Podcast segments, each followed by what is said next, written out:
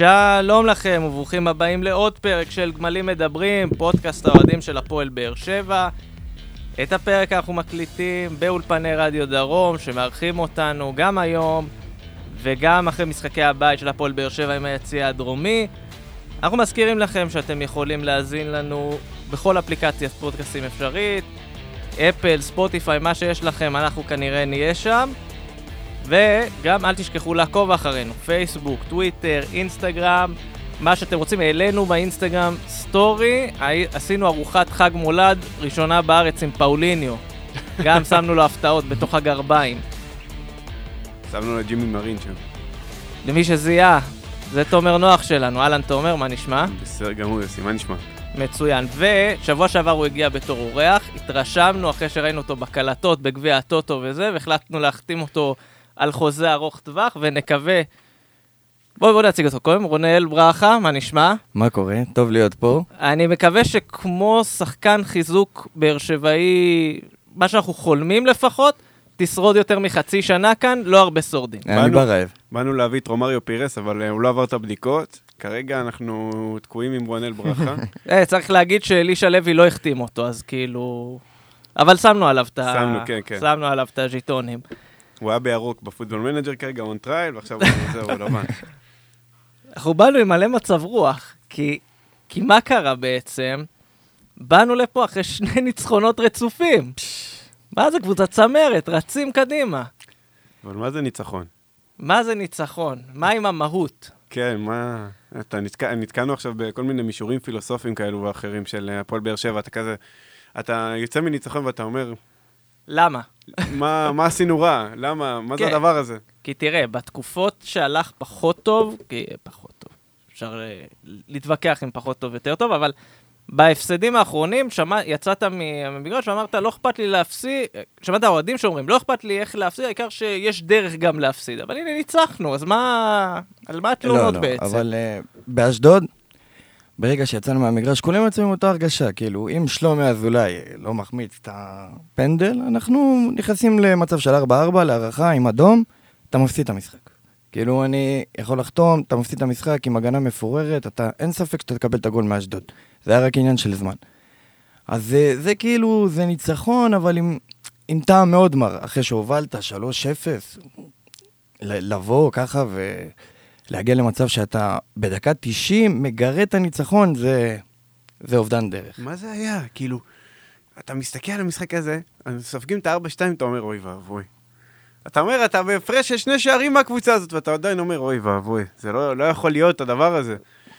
אתה, אתה הולך, אתה רואה שאתה הולך לספוג עוד, כי, כי הקבוצה שלך אין לה עמידות. זה, קיבלתי פלשבקים ל-4-4 מול הפועל חיפה משנה שעברה. וואו, זה היה בדיוק זה. בדיוק. אתה... זה היה עצבים, זה היה...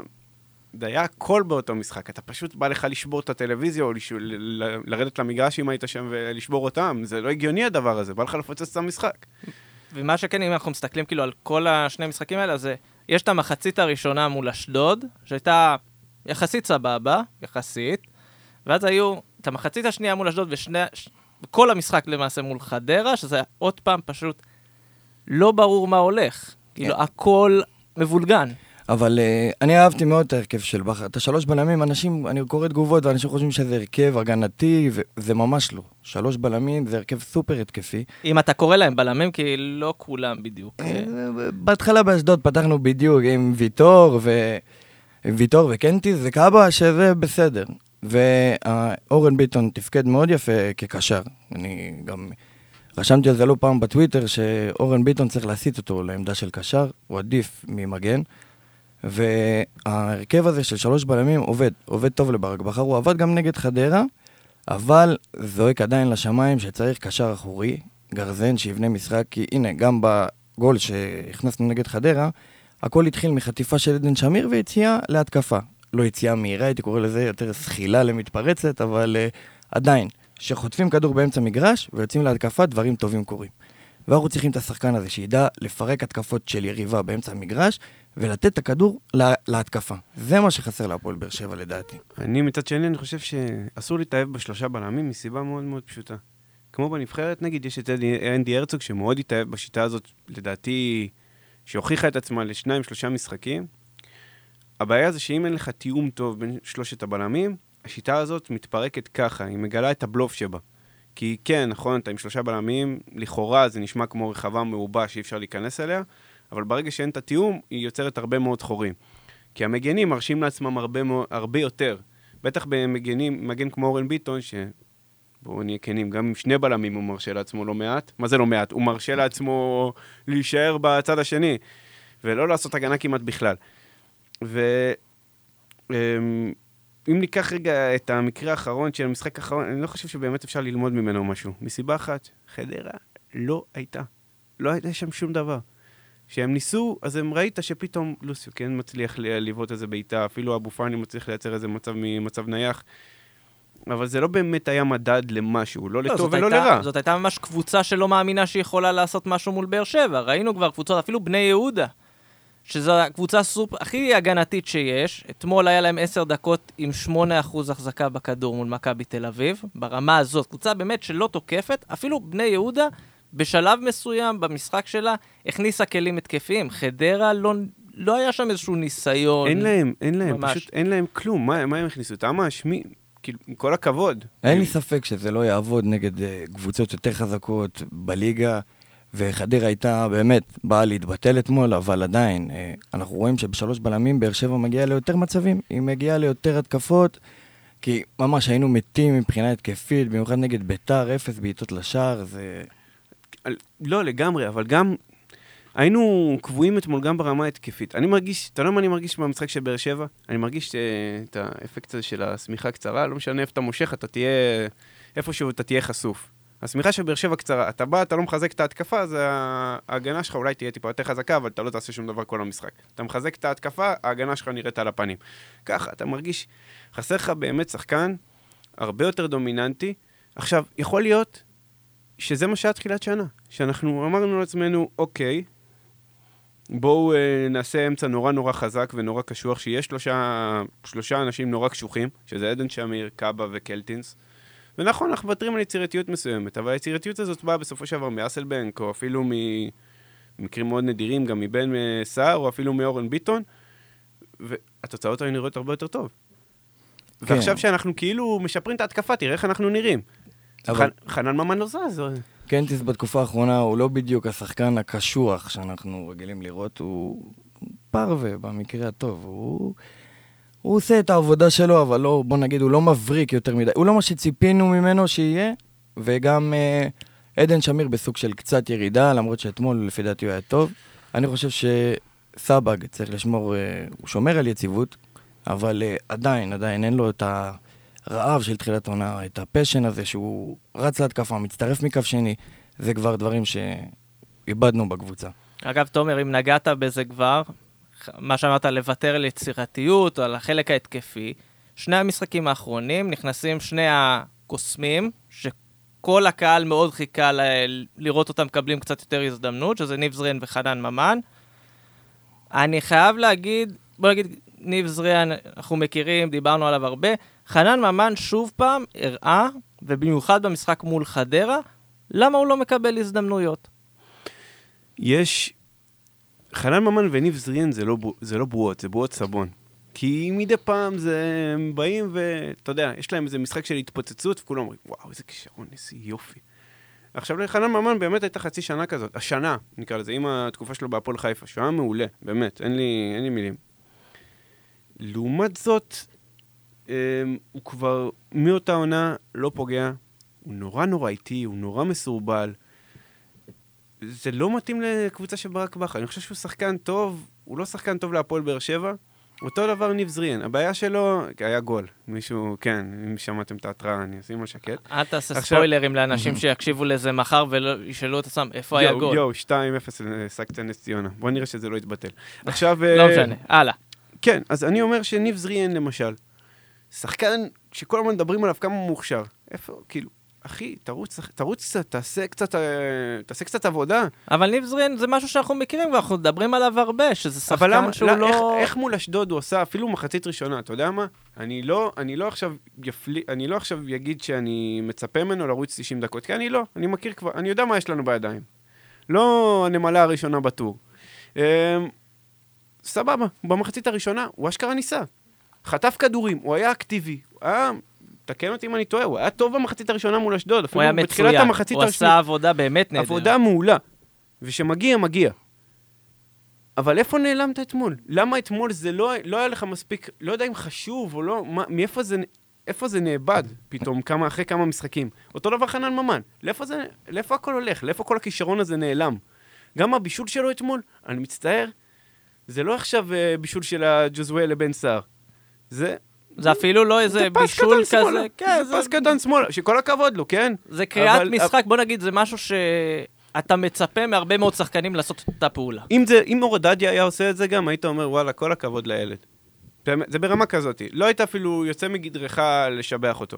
אה, זריאן וממן, לדעתי זה כמו, זוכרים את האשטג של בוזגלו אחרי כל משחק? המשכיות, אה, המשכיות, המשכיות. איך הוא אוהב. אז אה, זריאן וממן זה בדיוק הדוגמה לאין המשכיות. הם כאילו, הם יגיעו למשחק, הם ייתנו משחק חייהם, כל הקהל, וואי, איזה שחקנים, איך בכר ייבש אותם, איך הם בספסל, איך... ואז משחק אחרי הם נעלמים, כאילו הם רוחות רפאים. והדבר שהכי מעצבן אותי בזריאן וממן, זה החוסר אכפתיות, כאילו, בן אדם, אתה שחקן כדורגל, זה המקצוע שלך, זה העבודה שלך. אתה לא יכול לרוץ 90 דקות. עזוב 90 דקות, אתה לא יכול לרוץ 70 דקות. כאילו, באמת, איך אתה מגיע...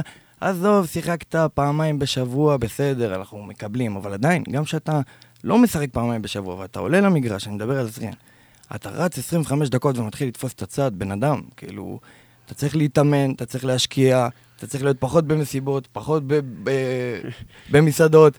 כאילו, אני לא מבין את זה, כי אם הוא זה פחות לעג ל- במסעדות, הוא אוכל את החלה של אימא שלו עם השניצל. אה, לא יודע. אתה יודע אבל מתי הכי מרגישים את זה, אחי? זה ש- שהוא, פתאום אתה רואה את מליקסון עולה, בן 35, כמעט כרתו לו רגל, פתאום בא ודורס ויורד לגליצ'ים. ויורד ואתה- ל... כן. אתה בא לך לתפוס את זרין, אתה אומר, בוא, תסתק, תסתכל, תסתכל. הוא, הוא, פי- הוא בעשר שנים יותר מבוגר ממך. קצת, אה, כאילו, בואנה, איך אין לך בושה? באמת, איך אין לך בושה ככה לעלות על הדשא ולא לעשות כלום? זהו, הוא גם בן 25, זה לא, הוא לא כבר תחת ה title של ילד, שהנה הפריצה, שהנה זה מגיע, הוא כבר לא שמה. הוא, הוא וממן חייבים, אבל חייבים לעשות שינוי, בעיקר בראש, בעיקר מנטלי. אבל אני אגיד לך מה, זה שניהם typecast של שחקנים שמאוד מאוד נפוץ בישראל. ממן הוא אפילו קצת יותר ותיק, וזריאן אה, עוד לא באמת קרא זוג נעליים. ובישראל נורא אוהבים את השחקנים האלה שפעם ביוצא מהם משהו.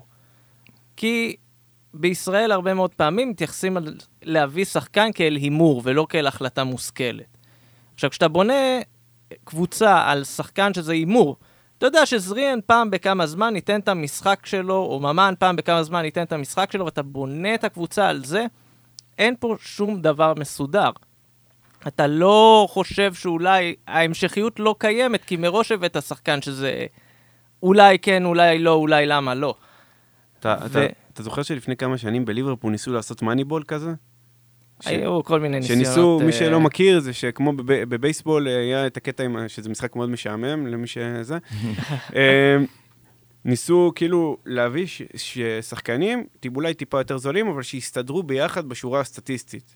כלומר, באיזשהו מקום, זה ממש השורה התחתונה מחפ... של העניין הזה. אה, בצורה הכי פשוטה, אתה מחפש להשקיע פחות ולקבל תמורה גדולה יותר. נכון, בדיוק, אבל אתה קונה כאילו מספר יותר גדול, ובכדורגל זה לא באמת עובד ככה.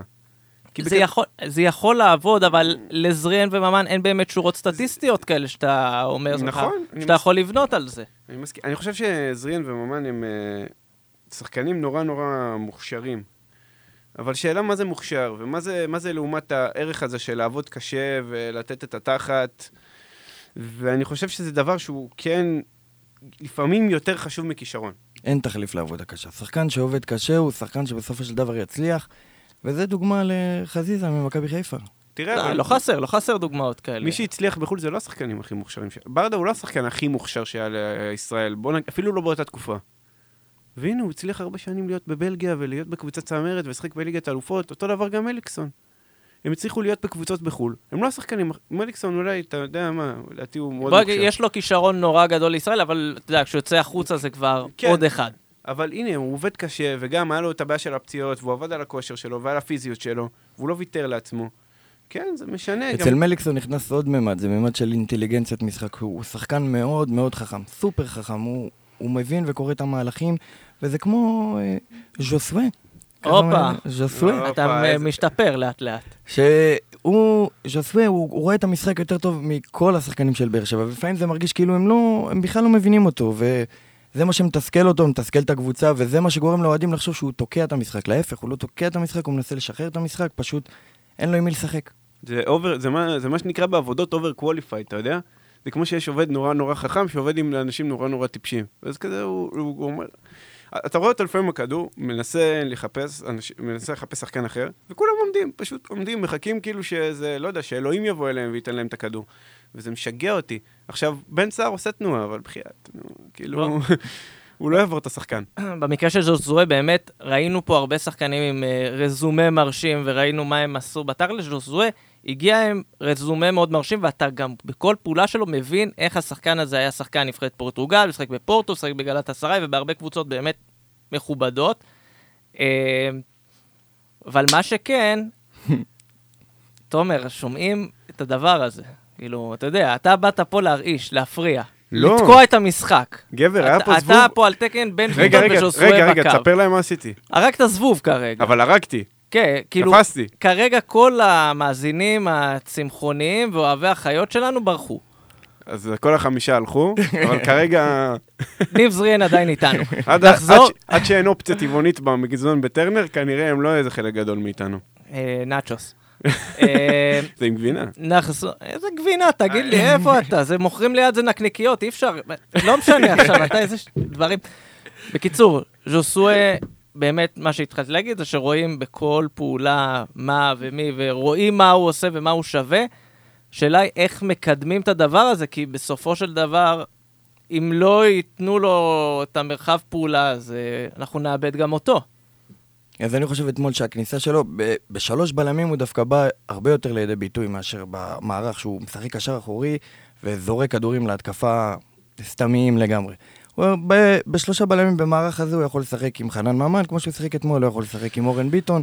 הוא יכול להגיע למצבי הפקעה, ואולי שפאוליניו יגיע, אז אה, הוא ללא ספק שינה את המשחק אתמול, אתה יודע? ללא זה- ספק, כן. הוא, פתאום ראינו תנועה, ראינו הרבה יותר מצבים. תקשיב, עם, אה, גם חנן ממן פתאום היה צריך לזוז טיפה יותר. היה חייב לזוז טיפה יותר, כן. כן. זה ממש, הרגישו את זה עליו. במחצית ראשונה ממן היה נוראי, באמת, נוראי. לדעתי, וזה לא פשוט להכריע את זה, אבל לדעתי זה היה המחצית הכי גרועה שלו העונה, וזה קשה מאוד להכריע לגבי ממן העונה. אה, לא, פיינורד, פיינורד, פיינורד, כן. פיינורד. חד משמעית. פיינורד. למרות פיינורד. שפיינורד, אתה יודע, יש שם הרבה נסיבות מקלות, אז אתה יודע, זה כזה. כן, זה- הוא בדיוק חזר. בדיוק חזר, וזה קצב אחר, וזה מאוד אה, קשה.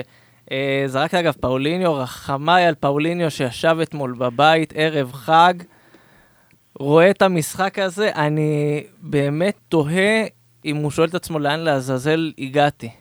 כזה הבטיחו לו, בוא, אתה מגיע לקבוצת צמרת, לא, לא יודע, אירופה. לא יודע מה הבטיחו לו, אבל אתה יודע, לראות את ה-90 דקות האלה, זה היה קשה. זה... אני לא יודע אם באיזשהו מקום הוא כבר יושב ואתה חושב, לעזאזל, הקבוצה הזאת בונה עליי יותר מדי.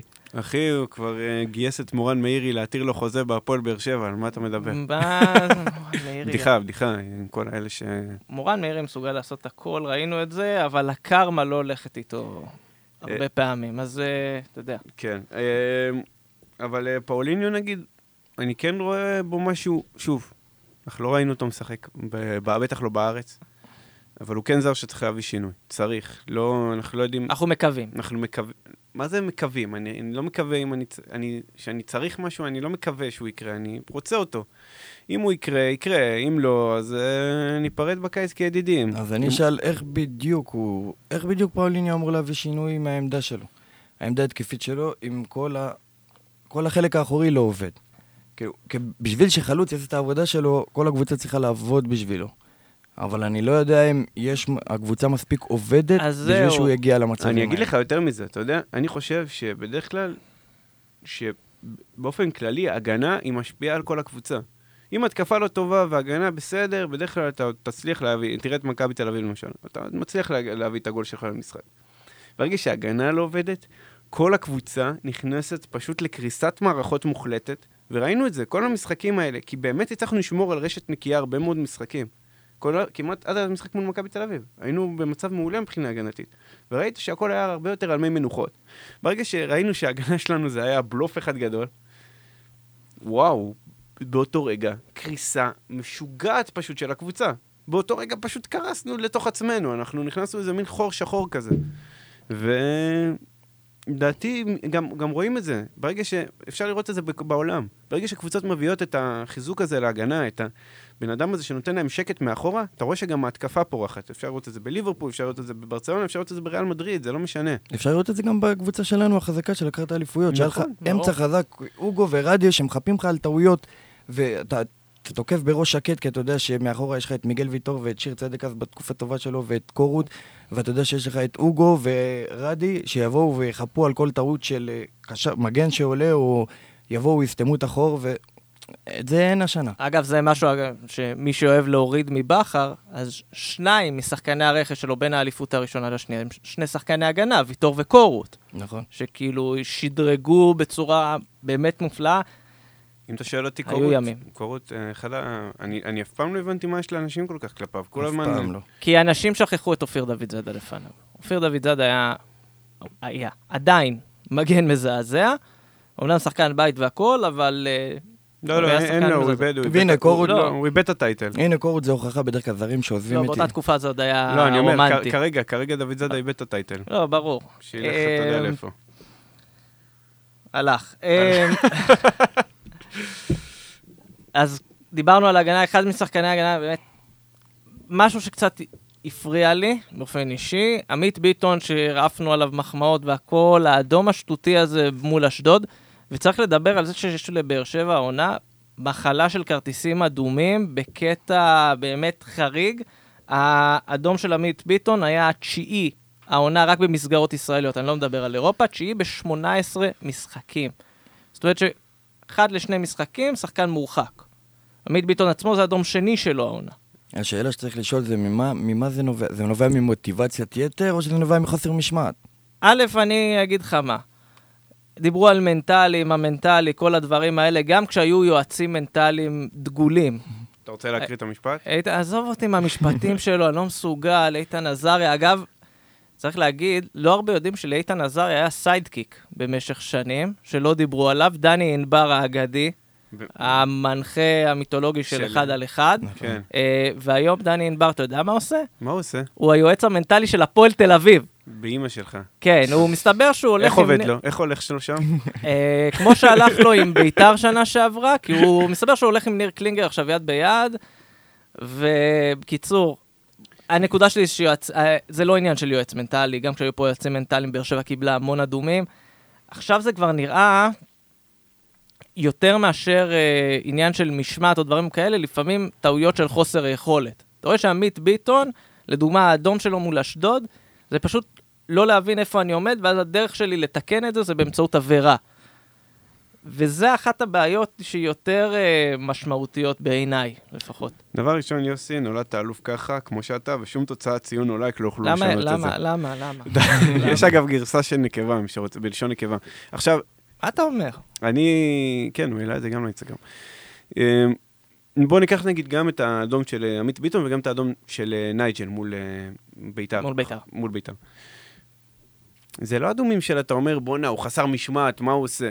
סתם אדומים של, או של חוסר כושר, או של חוסר יכולת, ואתה אומר לעצמך, בחייאת, זה, זה אדומים של טעות, ואתה רואה שגם השחקן יודע שהוא עשה טעות. גם בגול, בינינו, שטקוס כבר כמעט תפס את הכדור הזה, וגם שם, נייג'ל, מה אתה גולש עם רגל קדימה? מה, אתה מפגר? באמת, זה לא... זה, זה בלתי נתפס הדברים האלה.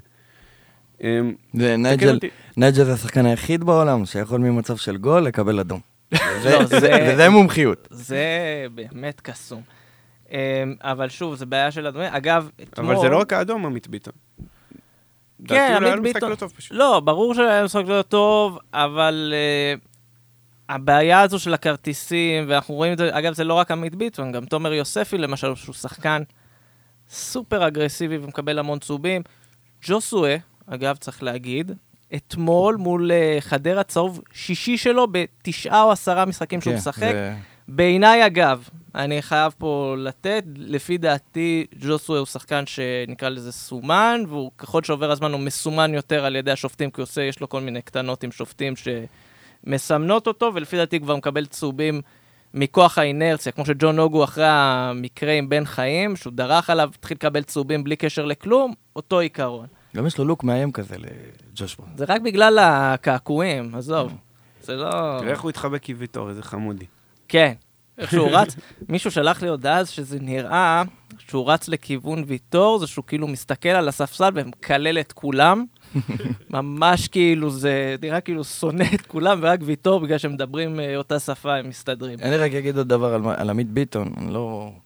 נשמע יותר מדי קוטל, אני, אבל אני חושב שמההתחלה הקבוצה, ברמה של הפועל באר שבע, לא יכולה לבנות על עמית ביטון כבלם שלישי. הוא, הוא לא הוכיח את עצמו בשום מקום שהוא היה בו, בוא נגיד שהוא לא, הוא לא בדיוק הבלם שהפועל באר שבע צריכה לרוץ איתו קדימה, והחזירו אותו, אני חושב, די, שוב, טעמים פופוליסטיים של הנה, שחקן בית, והנה, בלם, וזה סוגר לנו את שני הפינות. אני אגיד לך ככה, דיברנו על זה המון, על הנושא הזה של בניית הסגל שאין בו בלמים, ואנחנו עכשיו רואים, אנחנו עכשיו משלמים על זה, כי בסופו של דבר זה שלושה בלמים, אחד מהם ויטור, ידענו מראש שזה אי אפשר לבנות עליו לאורך הזמן, זה שהוא עד עכשיו החזיק מעמד בלי להיפצע זה נס. אה, פתאום אחד מורחק, אז אתה מתחיל לאלתר עם קאבה בלם וקלטינס בלם וכל מיני דברים כאלה. זה אגב אחד מהחורים האלה של איך לעזאזל הגענו למצב שהסגל נבנה על שלושה בלמים. אה, תהייה לא ברורה. אה, שאלה אם הוא רואה את קאבה בתור בלם מחליף. אני חושב שזה... כן. על, זה כן, אבל אני חושב שזו טעות מוחלטת לשחק עם קאבה בתור בלם. קאבה, קאבה אומנם טוב בתור בלם, אבל במצב הנוכחי של באר שבע הוא חייב לשחק קשר אחורי, זה לא... נכון. הוא מאוד אוהב את הוובות לא... בראון האלה, שאתה יודע, שאגרסיביים בכל מקום פשוט. שאתה יכול לשים אותו, אתה יודע שהוא יקבל את הצהוב שלו דקה הזה כדי לבזבז את הזמן, ויאללה. אבל קאבה, אני חושב שהוא מעל זה. אני חושב, אגב, שהוא בשער אחורי בסדר גמור, ושהוא אפילו צריך לפתוח בהרכב בהרבה משחקים, בטח מול הגדולות. הוא לא. הוכיח, הוא, בוא נגיד לך, הוא במהלך השנה וחצי, שנה כבר, מאז המשחק מול uh, מכבי תל אביב, אנחנו מקליטים בדיוק, אגב, שנה אחרי ההפסד ההוא למכבי תל אביב. Uh, בשנה הזאת הוא הרוויח מחדש את המקום שלו, גם בהרכב, גם בקבוצה. כלומר, זה, הוא הפך להיות בעיניי סוג של בנקר, וחבל שהוא קצת... Uh, נדחק החוצה. לא, מה זה חבל? אה? היה לו את כל התקרית, שדיברנו על זה פרק שעבר, תקרית עם, כנראה עם גיא צרפתי, וכנראה בגלל זה הוא לא היה בסגל, ועכשיו הוא מתחיל לחזור לאט לאט, ואני מקווה שהוא גם יתפוס מקום של קבע בהרכב בתור קשר אחורי, כי שם אנחנו צריכים אותו, ולא בתור בלם. אגב, שחקן, עוד שחקן, שבשבועות האחרונים התחיל, אני אומר באשמתנו, אני חושב שזה בעיקר באשמתנו, סוג של קמפיין שמפקפק ב... האם צריך אותו או לא צריך אותו, שטקוס. אה, אפשר להגיד שהציל את באר שבע פעמיים.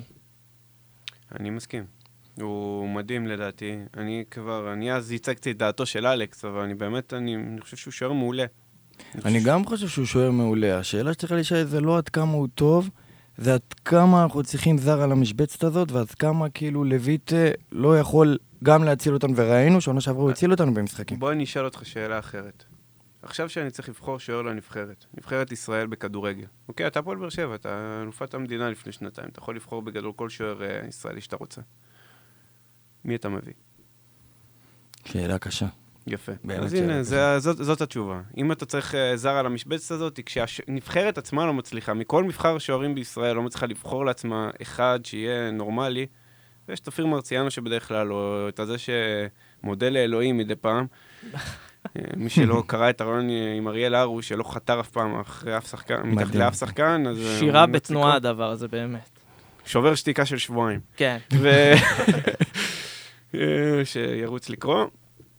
אז, אז, אז משם, משם אני מסיק את זה. עכשיו, לויטה, אני חושב שהוא שוער מעולה, בטח בתור שוער שני, אני חושב שיש סיבה שהוא היה שוער שני עד עכשיו. אמ, אני חושב שהוא מוכיח את עצמו, אני חושב שמצד שני, הוא שוער יציב, אבל הוא מצד שני לא זה שעכשיו uh, יציל לך את המשחק. יביא נקודות בשיניים. אבל דווקא אני חושב שעונה שעברה מלמדת אותנו שלויטה, יש לו את היכולות, ואני עדיין נשאר בדעתי שמשבצת של שוער, לבזבז עליה זר, שאתה כל כך צריך זר בעמדה של הקשר האחורי, נראה לי מאוד מיותר. בוא, בוא נראה את כל הקבוצות הבחירות בשנים האחרונות. אתה תראה שמי שבאמת הצליחה, יאללה, כן, יאללה שר, גם רייקוביץ'. מאז, מאז 2000, אה, נכון, בעצם האליפות הראשונה, האליפויות של באר שבע היו עם שוערים ישראלים, אבל תשימו שכל הזמן, הפועל באר שבע נבנתה תמיד עם שני שוערים טובים. כן. כלומר, גם uh, כשדודו גורש עמד, חיימוב היה המחליף שלו, כשחיימוב היה עדיין שוער כדורגל לגיטימי. חוץ מהאליפות הרביעית, כאילו. אה, השלישית. א', לא רביעית. או- השלישית. השלישית, כן. אבל... אה, וזה גם מה שקרה שנה שעברה, כשהיה הרוש ולויטה שנחשבים לשני שוערים בכירים בכדורגל הישראלי, יחסית. עכשיו, כשאתה משחרר את, נניח, אנחנו בתיאורטי, שחררת את שטקוס, כמו שאמר תומר, הבעיה היא זה מי יהיה השוער המחליף. ובאר שבע מפחדת מאוד לקחת סיכון בדבר הזה, כלומר, היא לא תרוץ עם רז רחמים כנראה, או גל נבון בתור שוערים מחליפים, היא כן תחפש שוער אחר, ופה יש קצת כל מיני זה. יכול להיות שאם היו מנסים נניח בקיץ להביא את איתמר ניצן, אולי היו מצליחים. הנה, סתכל. אני לא יודע. שתי הקבוצות שמובילות את הליגה רצו, רצו, בטח מכבי תל אביב, גם מכבי חיפה, רצו עם השוער השני שלהם במשך אה, כרוב העונה עד עכשיו. השוער השני, אבל שמכבי תל אביב הוא. לא זר.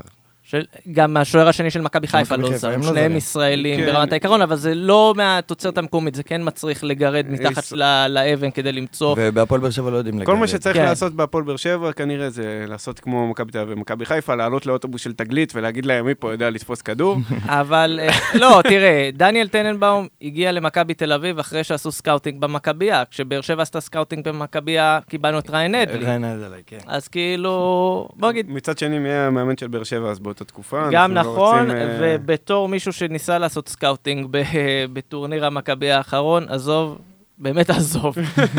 אה, בוא נדבר שנייה על הדמות הזו שכל פעם חוזרת, והיא הפחד הגדול זה בכר. אנחנו צריכים בכלל להמשיך לדון באמת כל שבוע מחדש, מה מעמדו, כן, לא, זה בכלל עדיין אישו? כי נראה לי שזה כבר משהו שהוא די נטחן. זה, זה די נטחן, וגם די סיכמנו את זה בפרק שעבר, שדיברנו על זה, שאמרנו שהחוזה של בכר הוא די חוזה ענק, לא נראה לי שלא אלונה ולא בכר ירצו לוותר על החוזה הזה, לפחות עד סוף העונה, עד שהם יגיעו להסכמים. לא, שום דבר מהחבילה הזאת כנראה לא יתפרק באמצע העונה, וטוב שכך, אני אומר טוב שכך. אתמול ראינו את בכר בחילוף שלדעתי שינה את המשחק. אז אולי משהו מתחיל להתעורר אצלו, אולי אה, החשק חוזר, אולי הרעב, אולי... אה, אולי עוד דברים קורים, ובוא נחכה. לפני שאנחנו מספידים, אני אומר, בוא נחכה, הבן אדם עשה המון, ויש לו עוד המון מה לתת לדעתי. תקשיב, לכל אלה שאומרים לפטר, אני אשאל אותם את השאלה הבאה. באיזה מקום אנחנו, והאם אנחנו בסכנה לרדת ליגה? שתי התשובות הן כנראה מספקות כרגע. המקום שלנו מוביל לאירופה, כרגע, ואנחנו לא בסכנה לרדת ליגה. השאלה... הש... ר- כאילו, הנקודה שלי היא שלא משנה מה, בכר בטח לא צריך להתפטר באמצע העונה. זה ברור. עכשיו, האם הוא צריך להמשיך? פה זה כבר משהו, פה זו שאלה אחרת. לדעתי כן, כי אני בן אדם שבאמת מאמין בהמשכיות, ובאמת מאמין בתהליך של למידה שמאמנים עושים, ובטח אחרי שתי עונות כאלה, שברור אם העונה השלישית או תחילתה תהיה, יהיו לו טובות, אני אגיד לך, וואלה, כאילו, אין לו מה לעשות. אז הוא, אני, הוא לא אני, מתקדם לשום מקום. אני אתייחס לתחילת הדברים שלך ואני אשאל, השאלה אם הפועל באר שבע היא קבוצה שנבנתה, כמו שאתה אומר, כי מספיק לה להישאר בליגה, או כי מספיק לה להיות במקום טוב בפלייאוף העליון. או שזו קבוצה שנבנתה לאירופה, או לרוץ לאליפות. עכשיו, ברור לנו מהסגל שהיא נבנתה בתחילת העונה שלא נרוץ לשום מקום, אבל גם לא ציפינו להיראות ככה. נכון, אבל מצד שני, אתה, אני חושב שכבר נראינו יותר טוב.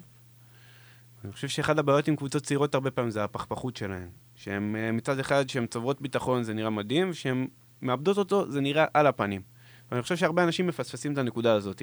אם תסתכל על ההרכב שעלה, בוא נגיד, אתה יודע מה? במשחק האחרון מול חדרה. יש לך את צ'טקוס, שהוא נכון, שהוא מבוגר כבר ועבר את גיל 35. מצד שני, יש לך את קאבה, שהוא בן 28, יש לך את גולדברג, שהוא בן 24, אה, סליחה, בורן ביטון, שהוא בן 24, נכון, אם אני לא טועה? 22? כן, 20 ומשהו כזה. אז כן, ב-. ב- כולם שם בסביבות, ה- התחיל- בעשור, ב- בתחילת בתחילת אה, העשור ה-20 הראשון שלהם, לחיים. של שנות ה-20 שלהם. כלומר, קבוצה די, בטח במונחים ישראלים, שאנחנו עדיין מצפים מילד, ילד במרכאות בן 26 לפרוט, זו קבוצה צעירה. אז אנחנו כן צריכים לבוא ולתת על זה את הדעת, וכן אנשים מתעלמים הרבה פעמים מהפקטור הזה. כן, אבל... אם זה תירוץ, זה לא תירוץ.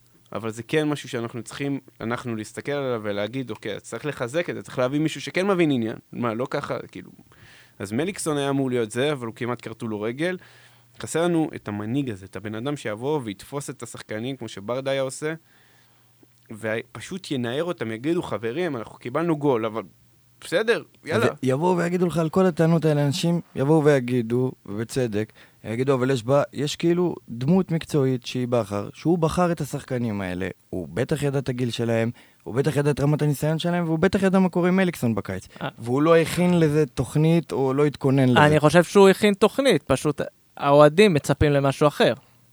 אתה חושב שהתוכנית שלו הייתה שהעונה הזאת תראה ככה? תראה, זה מה שאמרו לנו מתחילת העונה, שזו קבוצה בבנייה.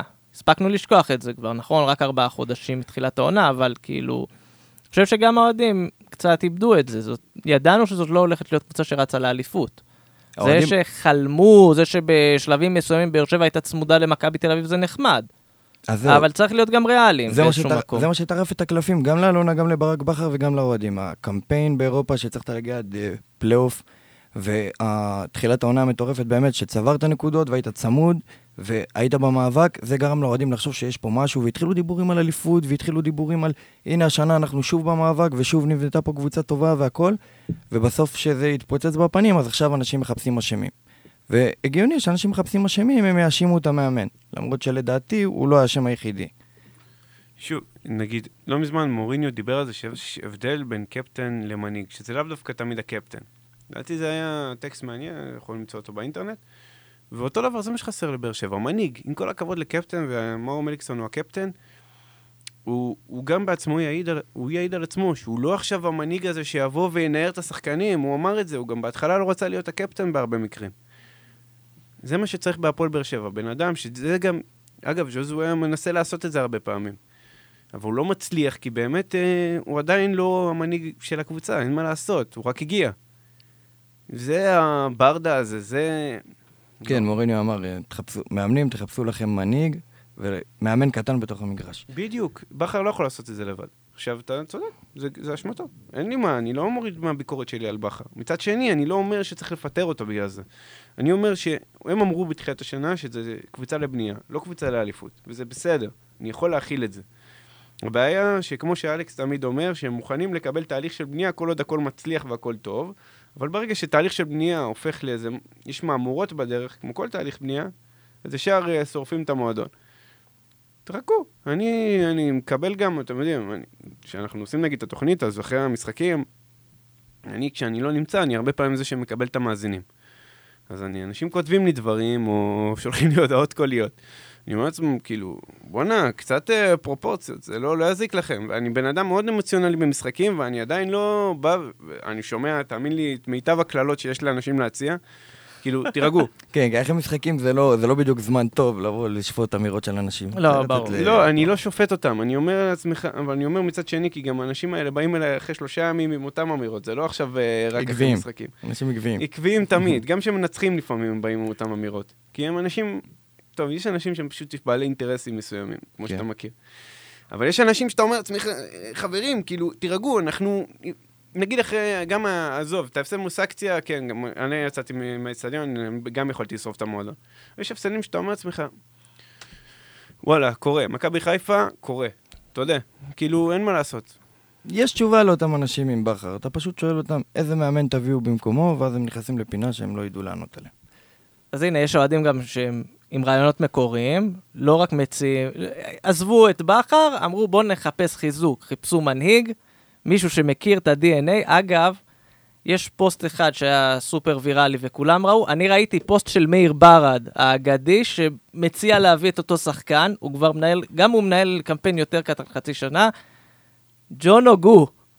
והפוסטים המרגשים שלו וה stories המרגשים ב- באינסטגרם. מה? אפשר להתייחס לזה ברצינות בכלל. כאילו זאת הצעה, ש... כאילו זה רעיון שאנחנו יכולים להגיד, וואלה, אולי כן? רגע, יוסי, אני רוצה לשמוע דווקא את דעתך. את דעתי, אני אגיד ככה. ג'ון אוגו, אה, עזוב את הסטורים שלו חצי שנה, בוא נדבר רק מקצועי, אוקיי? ב... כשהוא יצא מפה, דיברו על טראבזונספור. אה, חברי הטוב אורי לוי ראיין אותו באליפות אפריקה במצרים, והוא אמר לו שיש לו הצעות מיוון. מתחיל ככה להידרדר. היה איזשהו שלב שדיברו על הצעות מהודו. כשבדקתי איזה הצעות היו לו מהודו, זה אפילו לא מהליגה עם הכסף, זה איזה ליגה משנית כזאת עם...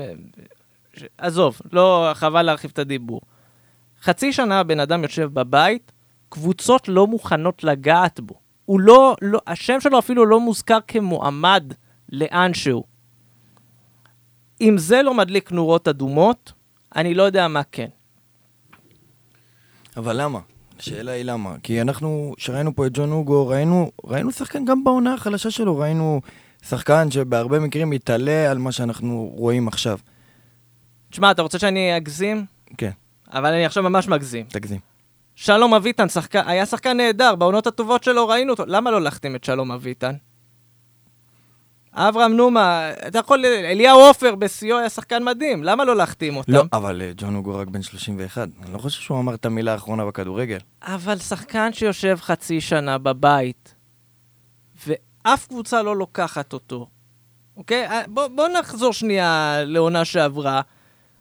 הבאת את הנסטיס, בנית עליו הרים וגבעות אחרי חצי שנה שהוא לא שיחק, לא היה זמן עכשיו אה, תיכנס לכושר לא, עכשיו תשחק. אתה ראית את התוצאות של זה. מי שעקב אחרי מה שהנסטיס עושה בשוודיה, כשקצת יש לו יותר ביטחון, יש לו זמן להתאקלם, אז אתה רואה שהוא שוער יחסית בסדר.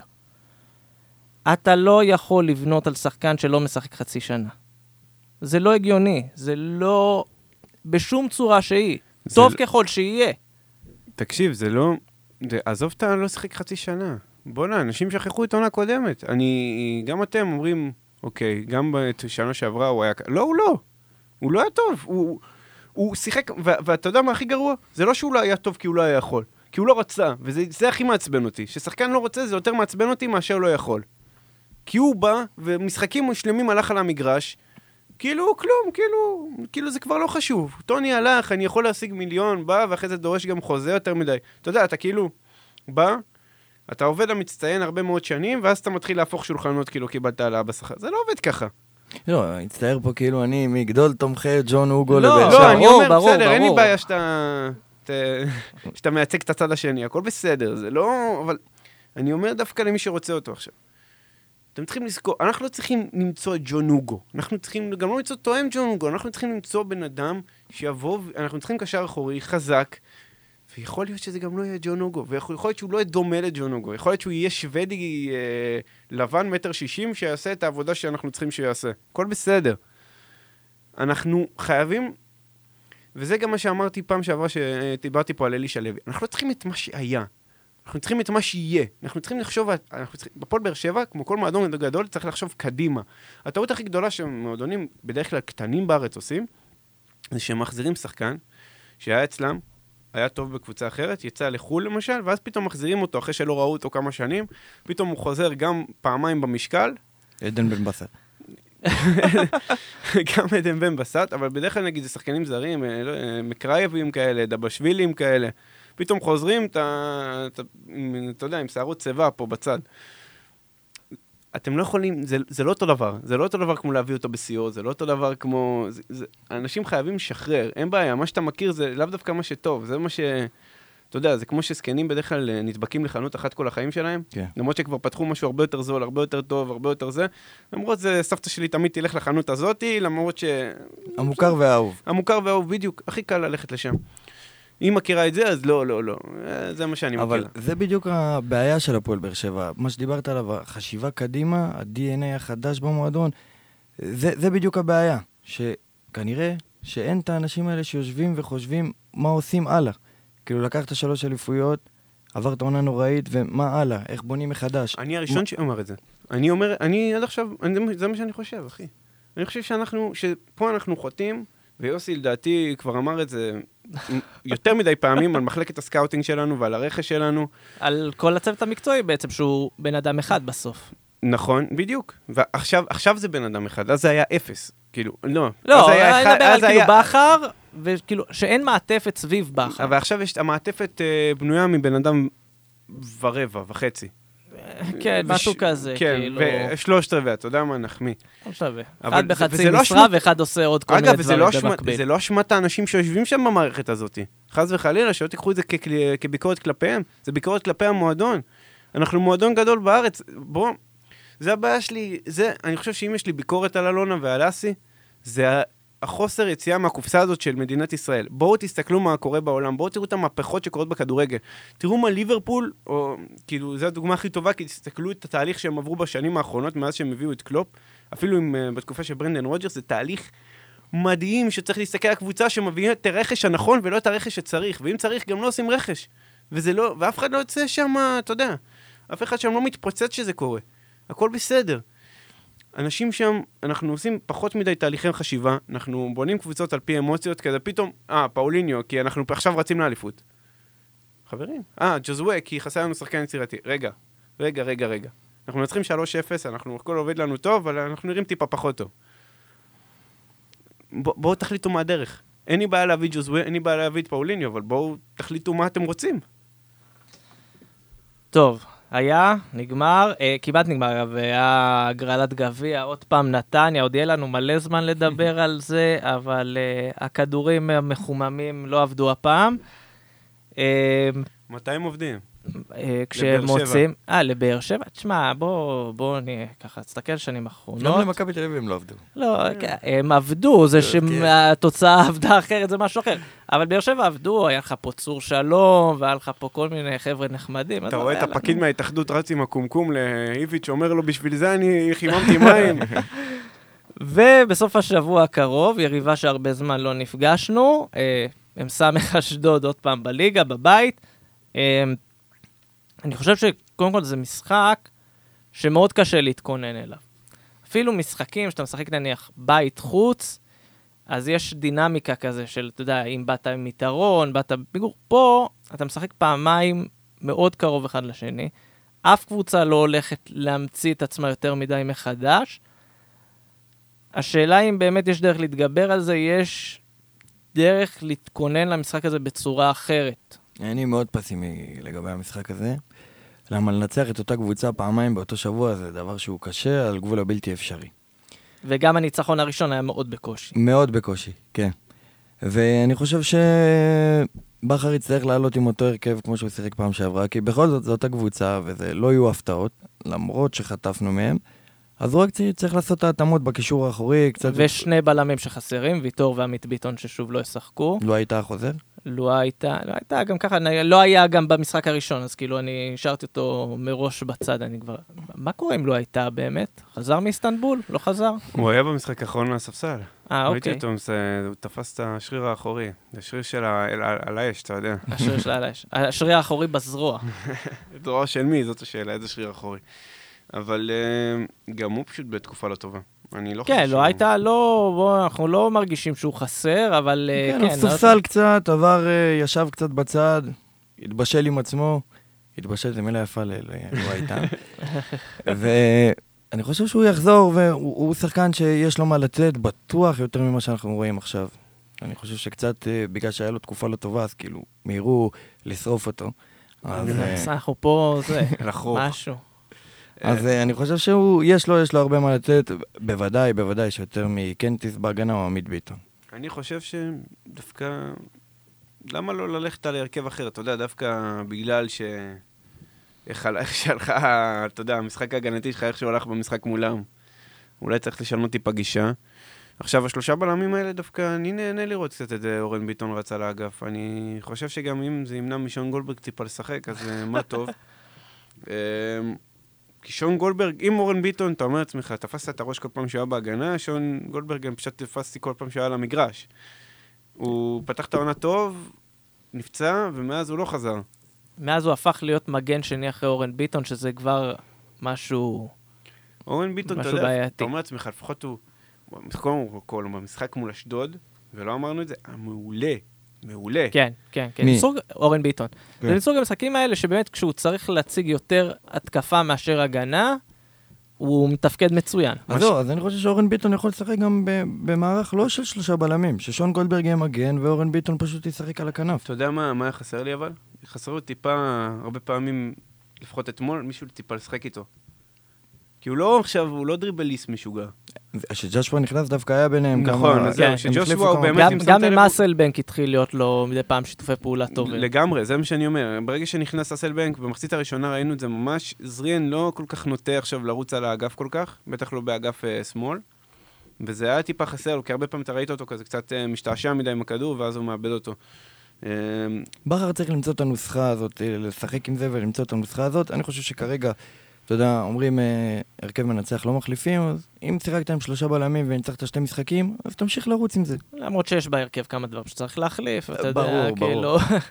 אה, אבל כן, אה, מה שראינו מאשדוד, אגב, זה... אם יש משהו שחזר על עצמו מאוד, וזה קצת החשש שלי גם למשחק ה- הקרוב, אשדוד, ראית שהם למדו בדיוק איפה נמצאים החורים בהגנה של באר שבע.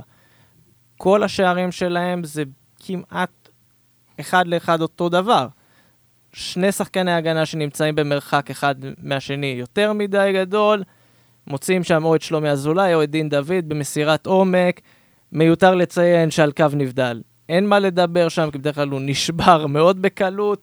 אה, אבל אתה רואה, זה, זה משהו שלדוגמה ברק בכר צריך להיערך אליו. יש משהו, יש לי תמיד משהו מוזר עם הקבוצות האלה. כאילו, הנה עכשיו, למשל, שוב, אני יודע שאני עושה פה ספוילרים לאנשים שאוהבים לראות את הליגה מאיזושהי סיבה מאוחר. אגב, היה, נפסל הגול השני של סקציה, אבל הם ניצחו, אה, סקציה, הם ניצחו 1-0 את אה, נתניה. מרגשת. כן. זהו, אנחנו לא הקבוצה היחידה שהפסידה לסקציה. אה, זהו, כן, סיימנו עם הפרסה יאללה הזאת. אבל יאללה שלך, סקציה נס ציונה. ועכשיו, הנה, למשל 0-0 מול הפועל תל אביב נגד אה, מ"ס אשדוד. אנחנו רואים את ה... פתאום, כאילו מולה, מולנו, מולנו יש להם איזה מוטיבציה לא רק. מולנו, מול כל הקבוצות בצד, גם מול ביתר, דיברנו על זה, מול ביתר, מול חיפה, גם מול מכבי תל אביב, הם משהו- כן הצליחו להקשות. משהו מוזר כזה, ועכשיו, שוב, שלומי אזולאי נמצא בשנה מדהימה, באמת, מהטובות בקריירה שלו, מהטוב- באמת מרשים מאוד. אה, אבל מצא את המקום שלו יש באשדוד. לי קבוצה, יש לי תחושה כזאת, שקודם כל שהוא ימצא את המקום שלו בספסל של קבוצה גבוהה שנה הבאה, ואני בכוונה אומר, אה, אה, קבוצה גדולה, כי בכוונה אני אומר את זה, שהוא קצת חנן ממני כזה, שאתה יודע, שיש לו פתאום איזה שלושה משחקים לא טובים, עכשיו באשדוד אה, אומרים כזה, בסדר, מי יש לנו לשים במקומו? אין, אין תחליף לשלומי אזולאי באשדוד. עם כל הכבוד לאוהד רבינוביץ', שהיה צריך לספוג אדום ביום שבת, אבל לא, לא קיבל את הצהוב השני. אבל uh, בהפועל באר שבע, נגיד ושלומי אזולאי נותן שני משחקים, שלושה משחקים לא טובים, אתה, הוא יעוף, הוא יערוף לו ראש. ועם כל הכבוד זה שאמרו שכאילו שבבאר שבע לא זה, גם במכבי תל אביב זה היה קורה לו, וגם בביתר וגם במכבי חיפה, הרביעים האלה. וגם במכבי חיפה זה היה קורה לו. זה, אני חושב שהפועל באר שבע פשוט עכשיו אה, נתונה להרבה ביקורת, כי היא פשוט נראית לא טוב. ברגע שאתה נראה לא טוב, אז כלום לא נראה, כאילו, אתה, כמו שאיביץ' עכשיו קוטלים אותו אחרי שני הפסדים, ברגע שאתה אה. נראה טיפה, אה, טיפה פחות טוב, אז פתאום אנשים אה, מוציאים את החרבות שלהם. לאן ממשיכים מכאן? זה כאילו, אתה יודע, זה, זה משחק כזה מאוד מאוד, אני לא יודע, כבר כל משחק נהיה גורלי, אבל באמת יהיה לו השלכות מאוד גדולות לגבי ההמשך של באר שבע עונה. אני חושב, ש... במשחקים הקרובים. אני חושב שהדבר הראשון זה לנצח בטרנר אחרי כל, ה... כל הרצף ההפסדים הזה, להחזיר את הביתיות, זה אחד הדברים החשובים. ובכר יצטרך באמת לעשות את כל ההכנות למשחק הזה כדי שנוכל לנצח אותו סוף סוף בבית ולהחזיר קצת את ה... קצת הביטחון גם לאוהדים וגם לשחקנים, קצת לשחרר את האווירה הזאת, קצת לצאת לדרך חדשה, באמת. אה, ואל תשכח, עדן שמיר לא היה במשחק נגד אשדוד, הוא יחזק לך את הפן ההגנתי יותר, ואולי ימנע את החורים האלה שהיו במשחק נגד אשדוד באשדוד. תכלס, אבל רונן, אתה לא חושב שאנחנו צריכים, מה שחסר לנו עכשיו זה להביס? כל ה- להביס. להביס, לבוא, אני יודע שזה טיפה זה, אבל מה שחסר לביטחון של הקבוצה אולי זה טיפה לתת איזה, שלי, איזה, אתה יודע, איזה שלוש שער. בואו נתקדם לאט לאט, קודם ניווט לשער, אחרי זה כן, זה נחשוב גם על... אה, אה, אתגר גדול. זה גם, אתה יודע מה, זה כאילו, ברור שזה פעם ראשונה כאילו- שניסו ניסו לבעוט לשער מול חדרה, פתאום כזה נכנס, איזה יופי. ה- גול מדהים. גול מדהים של ג'וזווה. אז זהו, אז אני חושב שלאט לאט, לאט לאט. חשוב שקודם כל נביא ניצחון בבית, זה הכי חשוב, להרגיע את ה... להוריד את מפלס הלחץ בטרנר, כי הוא באמת, שטרנר תומך והכל, אז כאילו קבוצות הורדות להם הרגליים, אבל כשטרנר לוחץ, אז השחקנים שלנו... אגב, זה מצחיק, כי לפני חודש וחצי בערך, דיברו על זה שבאר שבע לא מצליחה להביא את היכולת מהבית. למשחקי חוץ, ומאז באר שבע, אה, היה לה את ההפסד אומנם מול נס ציונה, ואז שלושה משחקי חוץ בכל המסגרות ניצחונות, ובמקביל שלושה הפסדי בית. אז כאילו, זה אפקט שקרה גם לביתר, וזה קורה לביתר בטדי הרבה. ביתר אגב אה. איבדה את טדי, שנה שעברה בכלל, זה היה העונה מהביתיות הגרועות שלה. זה- אה, רגע לפני שנסיים, אני חייב, אה, המינהלת הוציאה היום כזה אה, שעות למחזורים הבאים, 18, וכנראה 19, ש- 20. כן, וכנראה שהם מקשיבים פה במיוחד לסיפור, למורשת הקרב של אלכס מקלל שחקנים בקריית שמונה ב-11 בלילה.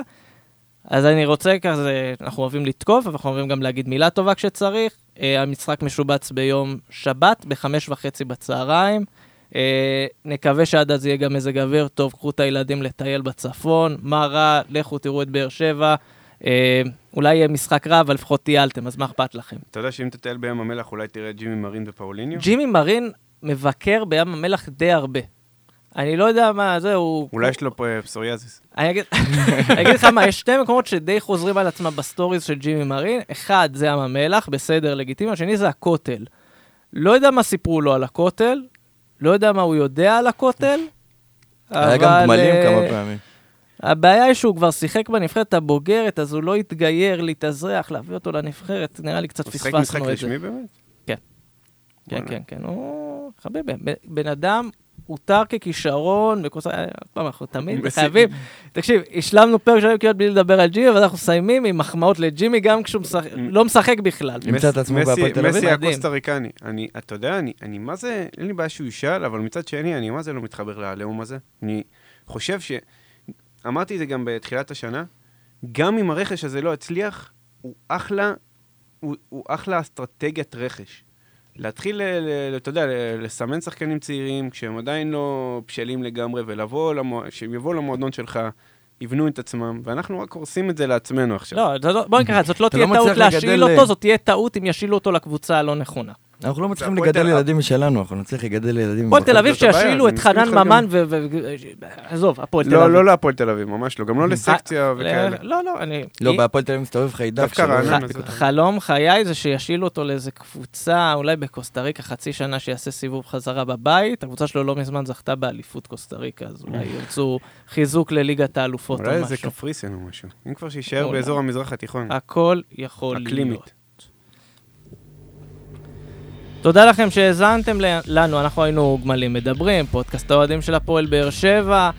אה, מזכירים לכם, אנחנו מקליטים באולפני רדיו דרום, וביום שבת הקרוב אתם יכולים להאזין לנו גם ביציע הדרומי, מיד אחרי המשחק מול אה, מועדון ספורט אשדוד. מזכירים לכם שאנחנו גם בכל אפליקציות הפודקאסטים האפשריות, ספוטיפיי, אפל, הכל, הכל, הכל, הכל. אה, אל תשכחו לעקוב אחרינו בפייסבוק, בטוויטר, באינסטגרם. יש לנו story שלנו מורחים את הגב של ג'ימי מרין בבוץ בים המלח. שווה לעקוב. אני רוצה להודות לכם. תומר נוח, תודה רבה. תודה רבה לך, יוסי. רונל ברכה, תודה, תודה. תודה לכם. ותודה לכם על ההאזנה, ושיהיה לכם יום מקסים, ערב מקסים, מתי שאתם מקשיבים חג שמח. וחג שמח. לכל מי. שחוגג, כולם חוגגים עכשיו. חג החגים. חג החגים. ביי ביי.